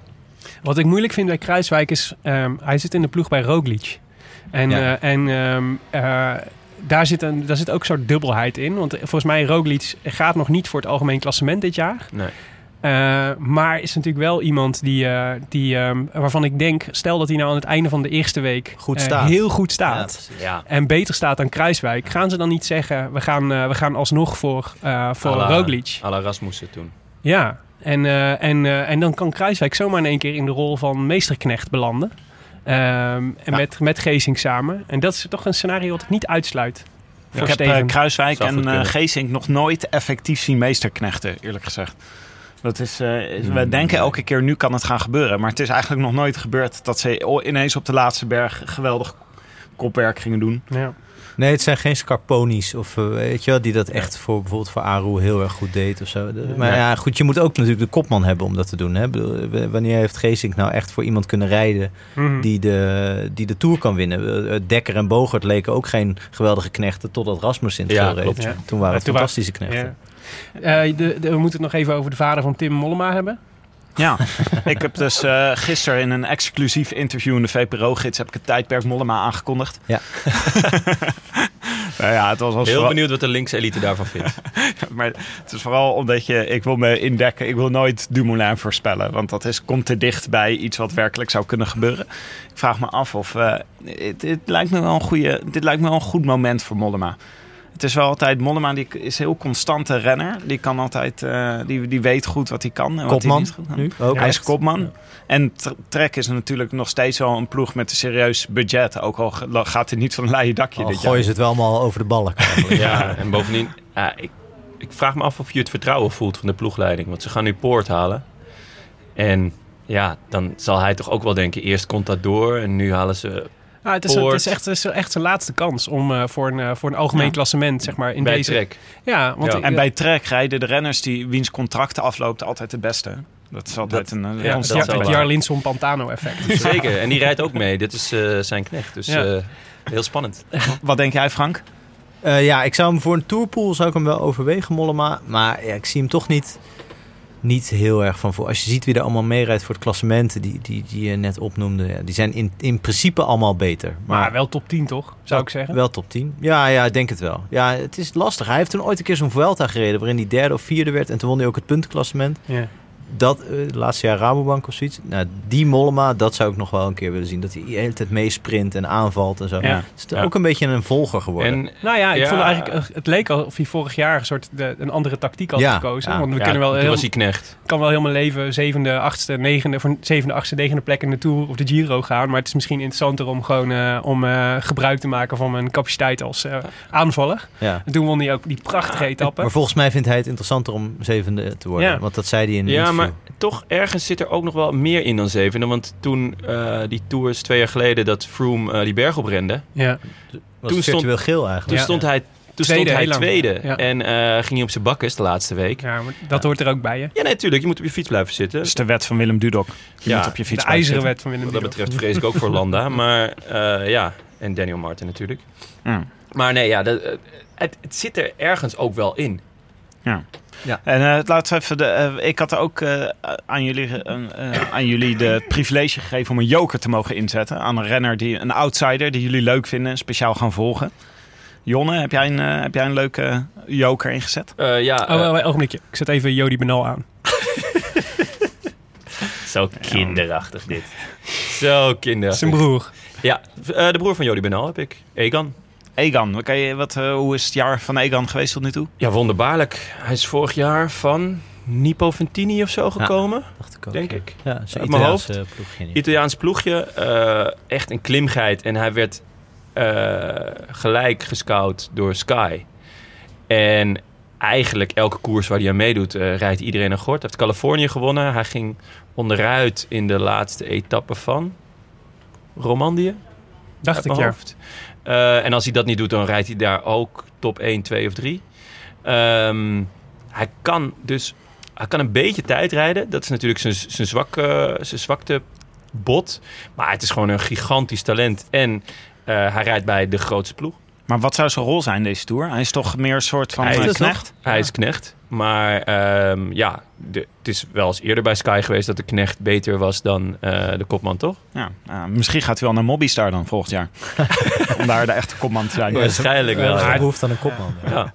Zie je er ook wel naar uit, maar drie weken vind ik wel lang voor hem, hoor, nog. Ja, zeker. Maar, Hij is eh, 21 of zo, ja. toch? Oké, maar we hebben het ook Ja, over een 14 joker, hè, jongens. Wie, eh, ja, hij voelt zich 14. maar als je, naar de lijst, als je nu naar de deelnemerslijst kijkt, dan denk je... er zal toch wel iemand een joker hebben ingezet op Ties Benoot? Zeker, Tim. Willem? Ja, nee. Wat ja, denk je van Ties. Deze Tour? Ja, eh, nee, ik heb eh, hoge verwachtingen van Ties. Ja, hij heeft natuurlijk vanaf... eh, hij heeft het seizoen ook wel ehm, eh, mooi opgebouwd, vind ik. Dus hij won natuurlijk de Strade Bianchi, wat heel, echt heel goed was. Daarvoor, of de, de Tirreno was hij, eh, was hij heel sterk. Dus hij heeft allebei eigenlijk al gedaan. Dus een eendagskoers en een, eh, en een eh, rittenkoers. Hij was vorig jaar, werd hij twintigste of zo, denk ik. Yes. Hij is nog steeds. eh, ik- ik schrijf hem in ieder geval op voor de witte trui. Want dat is, eh, ik denk dat hij daar beter gaat zijn dan, eh, dan Egan Bernal uiteindelijk. Ook omdat hij een iets vrijere rol heeft. Bernal zal wel. Zetten we daar een Barolootje op? Dat is goed. Een barolotje? Ja? Ja, dat wil ik wel doen. Hey, het is overigens Dus pijnlijk even. dat jij hier tegen je boy Ties gaat, eh, gaat Ja, inzetten. klopt, Dit is klopt, echt. eh, Het was ook meer, het was een bevlieging. ah ja. Maar wacht even, Sorry, dus als Egan Bernal hoger eindigt dan Ties... dan krijgt Jonne een Barolo van Willem. Ja. Mhm. En andersom, dus als Ties hoger eindigt dan... ja. Ja, laten we afspreken dat we hem sowieso samen opdrinken. ja, dat lijkt me een uitstekend. En, ehm, eh, maar nee, dus, eh, en, en ik. maar ik- hoe hoog zijn je verwachtingen? Want ik, ik verwacht nou, ook veel van hem. Maar ja. is het eh, Eh, is elfde. 18e? Elfde? Ja, ja, elfde. Nee, Christian van der Velde gewoon. nee, ik elfde denk- plek. eh, ja, en ik denk, kijk, Leuk. Eh, Wel, we hebben het al volgens mij eerder wel eens gehad over eh, de, de tragiek van de Vlaming. Hè? Dus dat je, a- je eigenlijk eh, ehm, elke Vlaming, Vlaamse wielrenner die is per definitie De in eerste instantie. Flandrien. Oh. Nee, ja, ook de nieuwe Merks. Maar die wordt, je wordt als Vlaming word je ge- geboren als eendagscoureur. Ja. En eigenlijk als, als de potentiële winnaar van de Ronde van Vlaanderen. En al het andere is, zeg maar, is, is minder relevant. Ja. En Tischer heeft natuurlijk ooit zijn eerste uh, supergoeie Ronde van Vlaanderen gereden. Uh, waar iedereen hem in één keer soort uh, door, de, door de bril van de eendagsrenner ging zien. Terwijl het volgens mij het grootste Belgische rondetalent is. Dat we echt sinds, sinds Axel Merks. Sinds Jurgen van den Broek. Uh...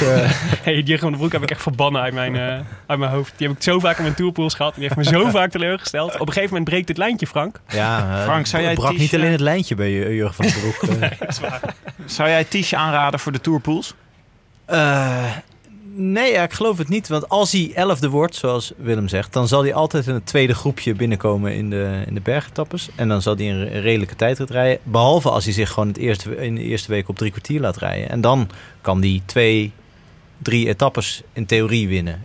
Maar dan moet hij ook weer solo aankomen. Het is volgens mij een ja. hele beroerde sprinter. Het is geen uh, veelwinnaar. Nee, precies. Dus om die reden zou ik het niet doen. Maar ik ben, ja goed, ik, ik sta vierkant achter Tisch. Maar je, je, we moeten hard zijn voor de Tourpool. Ja. Ik zou hem niet per se aanraden. heb, jij nog een, uh, heb jij nog een joker in gedachten? Nou, het is niet echt een joker. Het is wel een joker qua persoonlijkheid. Maar uh, Alaphilippe uh, ah, is leuk. natuurlijk een uh, vrij klassieke figuur voor dit soort tourpoeltjes. Er zijn veel puncheurs, hè? puncheur-etappes. Ja, ja, zeker. Uh, die kan hij volgens mij in theorie allemaal winnen. Want hij heeft, hij heeft denk ik de beste sprint eh, van, van de klimmers beter nog dan Valverde. Ja. Eh, dus, dus in, En ja. Denk je dat hij ook een ehm, klassement gaat rijden? Nee, nee, ik denk het niet. En het lijkt me ook niet nodig. En, en hij zit natuurlijk in een ploeg waar hij volgens mij mag doen wat hij wil. Dus, Ja. dus behalve in de vlakke etappes moet hij misschien voor Gaviria een beetje werken. Maar voor de rest, ja, eh, Jongens redt zichzelf wel. En, eh, eh, en, en Jongens is Bob Jongens. Ja. Young Bubbles. Young Bubbles. Ja, je raakt af en toe in de war. Ja. Eh, Vriend van de show. Nee, ja, ik zou, ik zou alle Philippe doen. En, en de, de geweldige Matthias van Genechten, eh het vreemde tweet op eh, Twitter, die noemde, ja, die leen ik even van hem, Andrea Pasqualon. Had ik nog nooit van gehoord. Van Wanti. Van Wanti. En die heb ik even gepro-cycling statst. En toen dacht ik, ja. Ja. ja Matthias maar- weet van hier. en die kan niks, eh, en die kan niks kosten, denk ik. Voor je Nee, die kan niks kosten. Als je, Nee, in de, die moet je er gewoon bij als doen. je bij Rob Stoerpools eh, zoekt, dan moet je helemaal naar de onderste pagina. Maar de, de, Je kan, na- ook de de naam... podcast, je kan ook de podcast van Vreemde Tweet volgen, toch? Hoe heet die ook weer? Nee, dat is, Nee, je hij was de Radio gast. Stelvio. Ja, daar dat is zat hij. gast. Daar Oh, was als hij de gast. gast. Ah, oké. Maar ehm, de naam is gevallen. Leuk, à la Philippe. Young Bubbles. Young Bubbles, ja, dat is natuurlijk de, dat is de, De gemene de joker van de Rode Lantaarn. Dikke vrienden met uh, Alain Philippe. Zien wij- we dagelijks op zijn Instagram. Maar zijn, de, onze liefde voor Young Bubbles kent geen grenzen sinds hij voor eh, Tom Dumoulin heeft gereden in de Giro, eh, anderhalf jaar geleden. Ja. Dat was echt, eh, dat was voor ons, sindsdien kan hij niet meer kapot. En uh, nou, het is ook deed best dat ook, hè? Maar je- jullie hebben Yates een beetje... Die hebben wij niet in ons hart. Nee, precies. Nee. Nou ja, dat is inderdaad, hij is iets We misgegaan. hebben hem wel eh, van harte gefeliciteerd met zijn twintigste plaats in de Giro.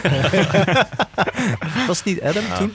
Ja, dat is Even Adam. Oh Ja, dat is Adam. Die Dat vinden weet- we, dat die weet je vinden we nooit. super Die is oké. te gek. Dat weet zie je nooit. maar dan moet je naar de sokken kijken. ja. Maar wat, eh, Young Bubbles, wat zijn de kansen? Is dat de Tourpool-waardige eh, Geen idee eigenlijk. Nee, ja, lijkt me, lijkt me een soort eh, eh, Luxemburgse Ties eigenlijk. Toch? Hmm. Vind je niet? Ja. Ja, Tot op zekere hoogte. ja nou, weet niet wel, of die- wel al beter gedaan. hè. Vorig jaar in de Giro achtste. Ja, ik denk dat hij voor het klassement gaat, En hoor. Ja? Hij gaat zeker voor Ja. het klassement, 100%. En hij heeft natuurlijk echt een leuke ploeg. Stel, eh, Terpstra zegt tegen hem van... eh, We gaan in de Oh, kasseirit. ja, die eh, kasseirit. eh, kom, we, we, Ja. we Kom gaan ervoor. Ja, eh, volg mij. Weet je, zoals eh, Boom toen met eh, Nibali. Eh, ja, volg mij. En dan kan je zo tw- twee minuten pakken in die, in die kasseirit. Zeker op al die eh, Spanjaarden die alle kanten op stuiteren. Eh, ja, dat, dat is echt een... samen met de ploegentijdrit is dat echt een wapen van Young Bubbles. Ik- Maar ja, top 5, dan mag hij echt... dan, mo- dan mag de champagne ontkurkt worden. Ik wil nog één, één dilemma aan jullie voorleggen. Voor de Tour, voor de tour Prono. Namelijk, je moet, er, er moet een, Ma- een Martin in, in de Tour. Ja. Dan heb je de keuze uit drie Martins. Ja. Ja. Namelijk Dan, Daniel Martin, eh, Guillaume Martin of Tony Martin. Frank, welke moet erin in je tourpool? Dan zou ik Je moet altijd kiezen. uit pure sympathie voor eh, Daniel gaan. Maar als je punten krijgt voor de witte trui, zou ik misschien voor Guillaume gaan. Want Ja, die is echt kopman bij Wanti. wherever die rijdt. Wanti. Want die Maar Hilaire, bij Hilaire. En, eh, en ja, die zou zo, die, dat vind ik iemand die dan zestiende wordt en dan toch de witte trui pakt. Ik, eh, ik ga ook voor Daniel Martin. Ehm, omdat ik hem gewoon super vet vind. Ik, ik hou van puncheurs die proberen een grote ronde te winnen. Eh, het gaat hem weer niet lukken. Ehm, ik geef hem als tip mee om echt uit de buurt te blijven van Richie Poort. Want die wil hem nog wel eens tackelen. Eh, en Daniel is- Martin is al zo'n brekenbeen. Ehm, maar ja, ik vind hem zo'n vette renner. Ik moet bij Daniel Martin altijd denken aan die laatste bocht in de luik laatste bocht. luik Och, och, och. Oei, oei, oei. Maar hier wordt mijn joker, dus even eh, wordt gras dus voor mijn voeten weggemaaid. Want ik had als joker Guillaume Martin opgeschreven. Ja, dat Ik denk dat een- opzetje om dit jou te laten zeggen. Ja, ik denk ook dat het een goede is voor de Tourpool. Omdat hij niet zo heel duur is. Het kan wel zijn dat hij eh, goed Maar- gaat doen voor de witte trui. Hij wil heeft gelijk goed, een- goed voorseizoen ge- gereden. Gelijk een rectificatie, want hij, ehm, we doen zonder budget hè, bij Rob Stoerpools. Dus je mag gewoon vrij kiezen. 15 man. Ja, oké. maar, jullie- Maar- niet iedereen hoeft per Ah, se aan onze Dus Tourpool. dan kan je zowel Frank als Andy Schlek kan je gewoon nemen. Maar inderdaad, nee, Martens. vertel verder. Ja. Eh, ja, eh, Nou ja, Guillaume. Guillaume Martin. We hebben, we, hebben het, we hebben hem op tafel liggen. Ehm, zullen we... eh, zullen we ja, we beginnen aan het einde van onze eh, grote voorbeschouwing eh, te komen. Dan eh, rest ons natuurlijk het belangrijkste moment. De Rode Lantaarn voorspelbokaal. Ja.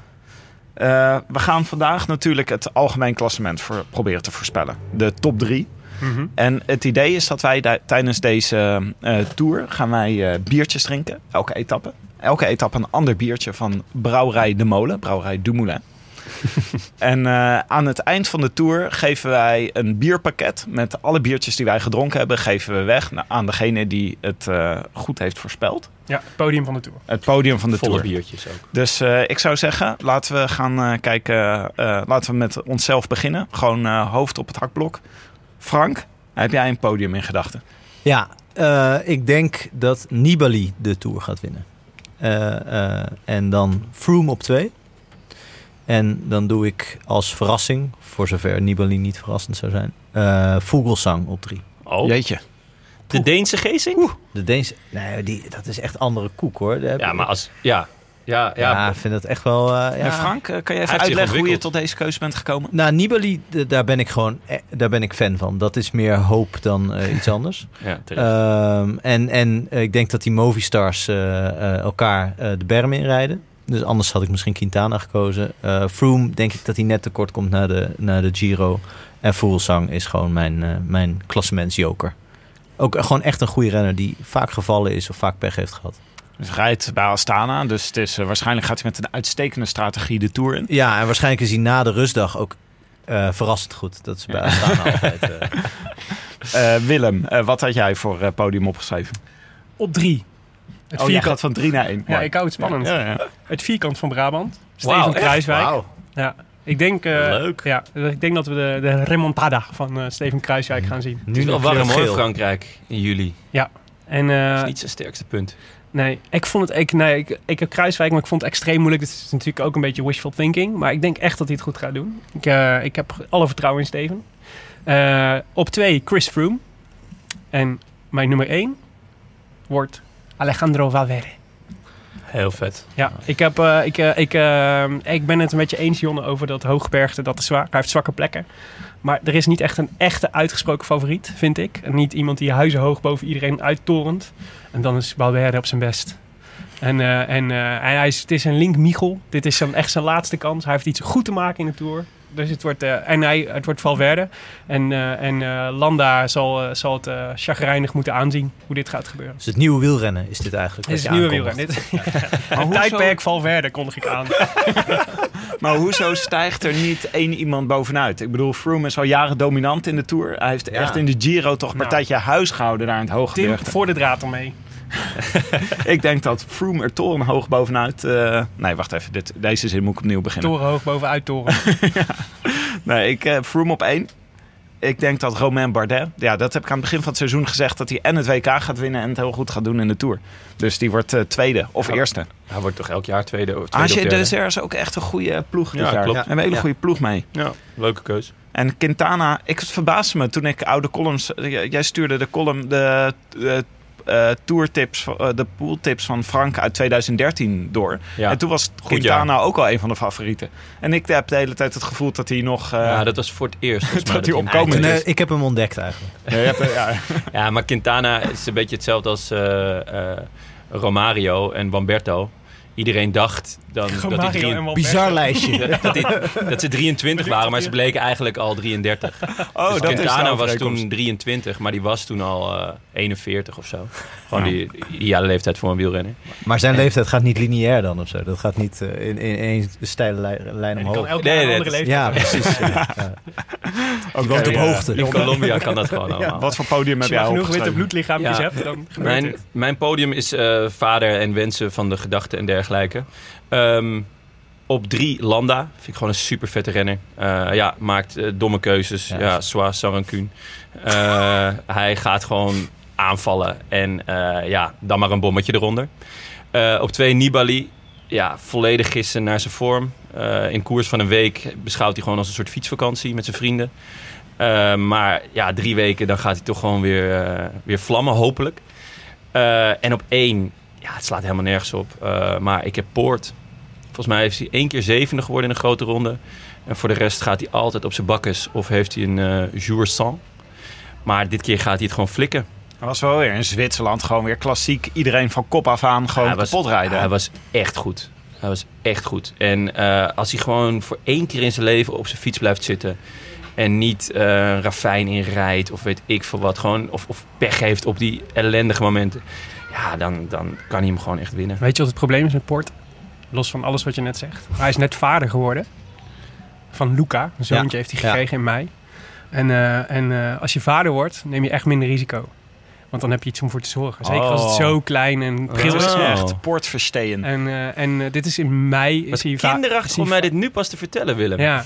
ja, sorry. Ja, ik las het ook pas te straks. Nou, maar, dit, maar wacht even, dit is een mooie theorie. Want het kan natuurlijk zijn dat Poort nu eindelijk een keer op zijn fiets blijft zitten. Omdat hij net een zoontje heeft gehad en voorzichtiger afdaalt. Ja. En daardoor de Tour wint. Maar hij daalt altijd zo voorzichtig af. Dat is de reden waarom het altijd misgaat. Hij, hij hij neemt een soort vierkante bochten altijd. Maar jij denkt dat dit voorzichtig is. Maar dit is dus, het is juist dat, nu komt het goed. Rijdt hij gewoon met een groepje mee naar beneden. ik hoop het. Ik Nou, hoop ik, het. denk dat hij, eh, ik denk dat hij zich niet meer vol, eh, dat hij niet meer eh, vol erin stort en dat dat juist een probleem gaat zijn. Daarom heb ik Port niet opgeschreven. Verder kan ik er heel eind mee met je theorie, maar ja, hij is net vader geworden, dus het kan niet. Ja, ik als eh, ook net vader geworden steun hem van harte. Come on, Richie. Gewoon Overigens, ja, overigens komt hij, las ik, uit Tasmanië. Vind ik ook leuk. Tasmanian Devil. Ja, Oké. Vanaf dit weekend kun je dus eh, intekenen op de Facebookpagina van de Rode Lantaarn voor jouw eigen klassement. En eh, maak je dus kans op eh, een drietal prachtige prijzen. Een poster van mysportmoment.com. ehm, een boek uit het wielerfonds van Atlas Contact. En een reuze speciaal bierpakket van Brouwerij de Molen. En misschien doen we er ook nog wel iets van Eriks Prijs en pretpagina bij, Frank. maar daarvan mogen we nog niks zeggen. Eh, we moeten natuurlijk ook nog even de etappe voorspellen. De eerste die eraan, eh die eraan gaat komen. En dat, is, ehm, dat lijkt eh, op het oog een vrij simpele sprintetappe. 201 kilometer. Dat is de etappe van zaterdag dus, de allereerste. Maar er zit wel een dingetje in. Namelijk, ze gaan weer over die, over die gekke oceaanweg. Ja, en die weet ik nog uit 1999. De Passage de Goua, want dat is namelijk een soort eh, een, eh, een weg die je twee keer per dag overstroomt. Ja. En, eh, en dan weer... Oh, dat is die ene waar 20 renners om het leven zijn gekomen. in omdat het peloton 1999, daar waar de Tour van Alex Zule om zeep geholpen werd. Ja, en van Bogert, hè? Ja, En van Michael oh, wat klas die erbij zeg. Glibberen en glijden. Ja. En, eh, dus da- daar zou zomaar een, eh, een eh, hè, als er een zeesterretje blijft liggen, Ja. dan kan die volgens zomaar tussen je sindsdien spaken raken. twee keer gedaan dat er niks gebeurde. Dus het is weer eens tijd, wil je zeggen. Ja, ja, ja. Maar ehm, in potentie is dat eigenlijk het enige, het enige gevaar wat, eh, wat op de loer ligt. Hoewel je het in de Tour natuurlijk nooit weet. Zeker zo'n eerste etappe, waar niet alleen de etappezege op het spel staat, maar ook de gele trui. Hè, Zo'n extra, extra eh, dingetje. ja, en ook alle sleutelbenen van alle klassementsrenners, denk ik. Eh, Precies. Eh, maar die moeten we ook nog even voorspellen. Want dat, is, dat is natuurlijk de eerste echte Rode Lantaarn voorspelbokaal van, eh, van, eh, die we daadwerkelijk kunnen uitreiken. Goed, Willem, wie heb jij in gedachten? Ja, ik, eh, ik, het is Gaviria of Groenewegen uiteindelijk. En dan ga ik, als ik, omdat ik als eerste mag zeggen, ga ik natuurlijk voor Groenewegen. Oké. Ja. Jonne? Ja, ik mag dan als tweede en dan ga ik voor Gaviria. ja, dat dacht ik al. Je mag ook nog een keer Groenewegen zeggen hoor. ik, Dan ik delen denk, we gewoon de prijs. Ik denk eerlijk gezegd Groeneweg, maar ik, ik zet hem op Gaviria. Omdat ik al het hele seizoen eh verkondig dat Gaviria iedereen eh, kapot gaat rijden.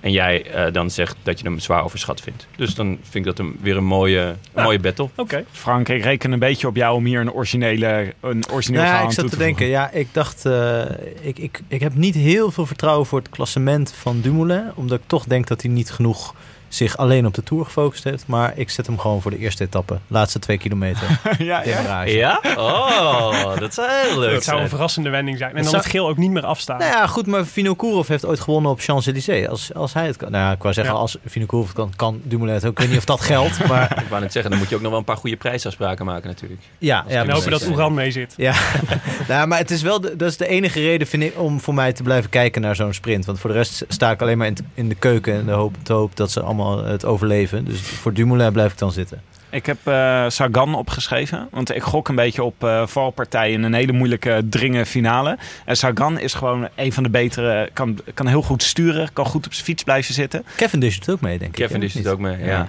Ja. Is Ja. dit een Cavendish-etappe? Grote Nou, ik dacht van die rijdt dan waarschijnlijk Sagan om, omver. ja, ja, waarschijnlijk. Ja. wraak van vorig jaar. Ja. Ja, ik laat Sagan staan. Oké. Leuk. Nou, meedoen kan dus via de Rode Lantaarn op Facebook en like die pagina dan meteen even. Of het kan ook eh, op Twitter via de hashtag voorspelbokaal. En dan zien we het. En dan eh, maak je dus kans op een boek uit het wielerfonds van Atlas Contact. Ja, dus je mag nu twee dingen voorspellen. Hè? Een podium Ja, met podium. de hashtag voorspelbokaal. Ja, dat en is de, een de megaprijs die je kunt winnen. En de etappe is, eh, is het, eh, de etappezege, daar, win je, daar kun je een potentieel omboek mee winnen. En win je dan de kleine Heine? Want dan heeft het voor Frank heel weinig zin om mee te doen. Eh, die zit niet in, bij Atlas Contact in het wielerfonds, toch? ik dacht het wel. Volgens mij mag hij wel meedoen Ja? voor het Atlas Contact. Oké, nou zullen we dan een eh, ja, kleine ja, Heine ja. Ik heb nog geen gesigneerde eh, kleine Heine. Oké. dan gaan we, Maar ik wil hem ook wel weggeven. dan gaan we een... Dan gaan we een leuk om hem te ontvangen hoor. Ja. Dan wordt het een, de eerste gesigneerde kleine Heine die, die je kunt winnen. Leuk. Met een mail van vier pagina's van Jonne erbij. Waarom Frank Heijnen een En een blanco mail van eh Laten we dat doen. Frank Laten erbij. we, laten we die mail uitprinten zodat we die in het boek kunnen stoppen. Want dat is toch onderdeel van het, eh, van eigenlijk uiteindelijk van het oeuvre van Frank. Ja, is goed. Best wel intiem, maar Dat snap ik. Dan nog even iets eh, huishoudelijks. Eh, maandagavond 9 juli, dat is na de eh teamtijdrit, de ploegtijdrit, eh, is er, speelt de documentaire Time Trial in de Bali in Amsterdam. Dat is een documentaire over David Miller, de, de voormalige prof en eh, succesvolle tijdrijder. Klinkt goed. En daar komt Thomas Dekker, komt daar ook. Eh, die wordt geïnterviewd na afloop door mij. En daar zijn jullie allemaal van harte welkom om daarbij, oh, daar naartoe te komen en een biertje met ons te drinken. Want ik denk dat Jon er ook is en Willem ook. Ja, zeker. Misschien Frank wel. nee, ik, ben dan, eh, ik ga die dag op vakantie. Dus helaas. Oh, oké, geen Frank. Nou, dat is misschien ook voor sommige mensen een reden een om te komen. aanbeveling, ja. Eh, kaartjes kan je krijgen via debali.nl. Ja. Eh, Oké, dit was het, jongens. De eerste Roland Lantaarn van de Tour. Gepresenteerd door uw favoriete bankzitters. Willem Dudok en Tim de Gier. En Jonnes Riese vandaag. En invité speciaal Frank Heijnen. Dankjewel. Eh, Frank, ik heb het gevoel dat we nader tot elkaar zijn gekomen. Jij ook vandaag? Ja, toch? We, Ja. kunnen- we hoeven niet meer elke keer onze vuist te ballen als we het over jou hebben. Ja, nee, dat, je vertelde me dat een paar weken geleden. Dat dat eh, aan de hand was. Dat, dat, ik, eh, dat jullie een soort dartboard hadden met mijn foto erop. Nee, maar- op de redactie van de Roland Lantaarn. Behalve, ja. behalve Jonne wou natuurlijk. net zeggen. Ja, ja. Maar dus nou ja, goed. Ik hoop dat dit, eh, dat dit een soort eerste ja, entente is. Ja, ja, ja. Ja, ik ben blij precies, dat mijn tussenkomst dit heeft eh, gebracht. Ja. Ben ik toch een beetje de, de Zwitserland van, eh, Ja, van de Rode Lantaarn. De Nou, Stefan Koen van de groep. de Stefan Koen van de groep. Ja, dat was een mooie titel. De kers, kersers, eh, eh, Zwitsers kampioen tijdrijden, toch? Yes, yes, zeker En dan zou je zeggen, als wij eh, nader tot elkaar kunnen komen, dan zou het zelfs bij Movistar nog goed kunnen aflopen. Ja, je weet het niet. Zometeen gaat, is Mobistar de, gaat schitteren als, eh, als ploeg tijdens Als deze tour. geheel, ja. Ja, echt, zou zo- maar echt wat zo'n eh, machine wordt het dan. Ja. Dan komen we nog een keer bij je langs, Frank. En dan moeten we het een en ander rechtzetten. Oh ja, dat is goed. De Rode Lantaarn wordt geproduceerd door Dag en Nacht Media. Wij danken natuurlijk hetiskoers.nl, de leukste wielerblog van de Noordelijk Halfrond, voor de morele steun op vele fronten. En Brouwerij de Molen en Atlas Contact en mysportmoment.com voor de sponsoring en de prijzen. Wil je reageren op deze uitzending? Dat kan. Op Twitter zijn te bereiken via Willem Dudok en Tim de Gier en Ton Garçon, waarvan de eerste O een nul is. Ja, Toch, Oftewel-? Nog steeds? Laat me met rust. Laat me met rust, bedoelt Jonne. En eh, F. Heijnen. Het F. Heijnen, ja. Met, ja. Een, met een N aan het einde. Niet te, niet te verwarren met Ed Bas Heijnen. Nee, nee, nee. Die verwarring is laatst door een taxichauffeur eh, gemaakt. Waar eh, Bas Heijnen, of nee, Adriaan van Dis zat in een taxi. En toen vertelde iemand heel erg enthousiast over de voetbalcolumns van eh, eh, Bas Heijnen. Oh ja. aan, Adriaan van Dis. Ah, ik denk dat Bas Heijnen ook fantastische voetbalcolumns had ja, ja, hij heeft tijd over nu, toch? Dus wie weet wat hij Ja, nog gaat doen. Trouwens, over Brouwer en de Molen. eh, de eerste keer dat jullie mij vroegen voor de Rode Lantaarn... toen was ik in China. Dat is twee jaar geleden. En toen kwam ik helemaal uitgeput aan. Ik en mijn vriendin kwamen we uitgeput aan in een hotel in Peking. In een soort hostelachtig iets. En daar was een klein café bij. Daar hadden ze alleen maar bier van Brouwerij de Molen. Oh, in Midden echt? in Peking. Dat, eh, toen voelde ik me... Ja, werd ik helemaal senang. Voor een Dumoulist is dat natuurlijk wel een, eh, een goede oase. Ja, en toen schoot ik even vol. Was ook de jetlag trouwens. Eh, nou, ik roep natuurlijk zoals altijd weer iedereen op om je te abonneren op iTunes en daar een reviewtje achter te laten, zodat andere mensen de podcast ook kunnen vinden. Frank, als, je straks, eh, als, je, als wij straks weg zijn, wil je dan ook niet even een, een, een wervelend, als, een, als we een beroemde columnist in onze reviews hebben staan? Dat zou het de podcast toch goed doen? Misschien waar vier doe ik dat? pagina's Waar doe ik dat? in iTunes. In iTunes. Ik heb, eh, kan dat ook zonder smartphone? Ja, dat kan wel, hè? Of niet? Dat weet ik echt Dat niet. weet ik eigenlijk ook niet zeker. Ik heb geen smartphone. Oh, Oh, wat goed zeg. Gaan we dat eh, Wonderbaarlijk. gaan we het zien. Ik heb nog een leuk eh, reviewtje Ja, van doe vorige jij keer. hem. Vier sterren van Puk Amelie. Vier maar? Ja, zeker suboptimaal, zegt ze. Oh? Wat een waanzin. Kritiek. Dat zijn Na- we niet gewend. Na een fantastische reeks in het voorjaar en mooie Giro... is een Dauphiné zonder Tim, Willem en Jonne echt suboptimaal. En dat terwijl Young Bubbles Oh. en Boy Tisch meekoersen in deze minitour.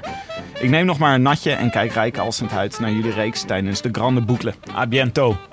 Nou, dus... het- dus Terechte ster- kritiek. We waren er niet. Ja, eh, we schitterden in afwezigheid. Ja. Dus Oké, eh, nou ja, dat goed. moeten we volgend jaar... Volgend jaar doen we gewoon alle rondes. Is goed. Accepteer, Puk. We Accepteer. beginnen met de ronde van Oman, toch? Jouw favoriet, John. Eh, nee, de Tour of Hainan is mijn eh, favoriet. Helemaal diep in oktober. Diep in oktober. Wat doen jullie eigenlijk met veldrijden? Kun je niet gewoon al die veldritten doen? Gewoon super prestige? Ja, ik ben niet zo'n veldrijder. Nee, maakt niet uit, joh.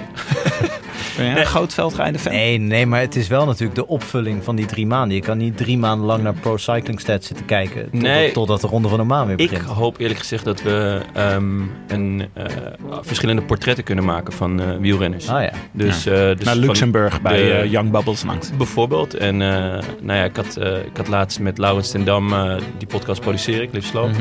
En hij zat met Terpstra en toen heb ik Terpstra gepolst of hij daarvoor te porren is. En hij zei, nou ja, laat maar weten, eind van het seizoen.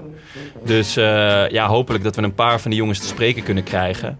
Eh, terug kunnen kijken en vooruit kunnen blikken. Dat lijkt mij heel erg leuk. Jonne, dit soort plannen dit moeten we gewoon achter de schermen uitvoeren. Als je dit nu, nu zegt, dan krijg- scheppen we verwachtingen bij luisteraars. En dit wordt weer één grote... Dit wordt een suboptimale recensies in het najaar als we al die Sorry, mensen niet hebben. Sorry Tim, dat is mijn jeugdige onbe- onbezonnenheid. Dit was hem, de grote voorbeschouwing van de Tour die naken is. Nog maar een paar nachtjes slapen. Afhankelijk van wanneer je deze podcast eh, luistert. Ja, misschien is hij dan al begonnen. hè? Ja, ja, dan heb je niks meer aan je toe. Frank bedankt, Jonne bedankt, Willem bedankt. A biento. A biento. I wish I could be in the south of France. In the south of France. Sitting right next to you.